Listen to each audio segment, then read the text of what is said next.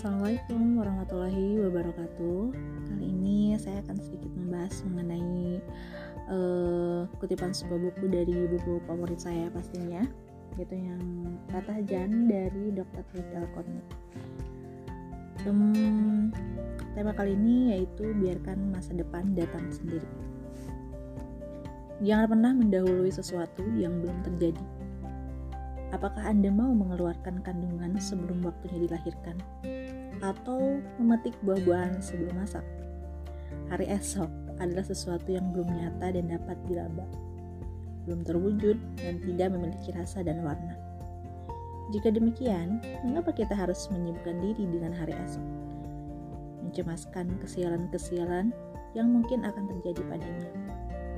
Memikirkan kejadian-kejadian yang akan menimpanya dan meramalkan bencana-bencana yang bakal ada di dalamnya. Bukankah kita juga tidak tahu apa kita akan bertemu dengannya atau tidak? Dan apakah hari esok kita itu akan berwujud kesenangan atau malah sebaliknya kesedihan?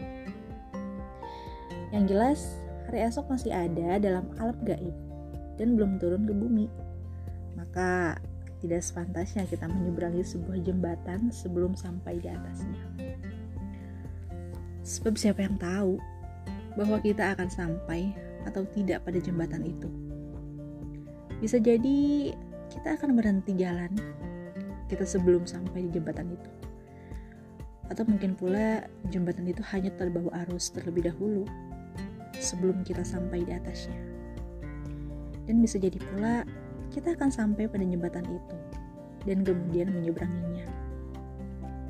Dalam syariat, memberi kesempatan kepada pikiran untuk memikirkan masa depan dan membuka-buka alam gaib. Dan kemudian terhanyut dalam kecemasan-kecemasan yang baru diduga darinya. Adalah sesuatu yang tidak dibenarkan. Ya pasalnya, hal itu termasuk tulul amal atau angan-angan yang terlalu jauh Secara nalar, tindakan itu pun tak masuk akal. Karena sama halnya dengan berusaha perang melawan bayang-bayang. Namun ironis, kebanyakan manusia di dunia ini justru banyak yang termakan oleh ramalan-ramalan tentang kelaparan, kemiskinan, wabah penyakit, dan krisis ekonomi yang kabarnya akan menimpa mereka. Padahal, semua itu hanyalah bagian dari kurikulum yang diajarkan di sekolah-sekolah setan. Dalam Quran Surat Al-Baqarah ayat 268, setan menjanjikan menakut-nakuti kamu dengan kemiskinan dan menyuruh kamu berbuat kejahatan atau pikir. Sedangkan Allah menjanjikan untukmu ampunan daripadanya dan karunia.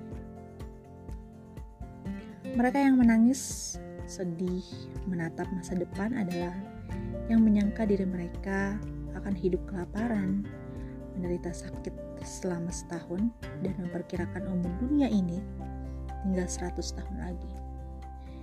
Padahal, orang yang sadar bahwa usia hidupnya berada di genggaman yang lain, tentu tidak akan mengandalkannya untuk sesuatu yang tidak ada.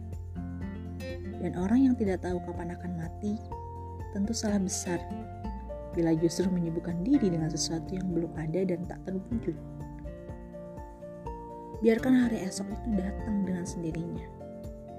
Jangan pernah menanyakan kabar beritanya, dan jangan pula pernah menanti serangan petakannya.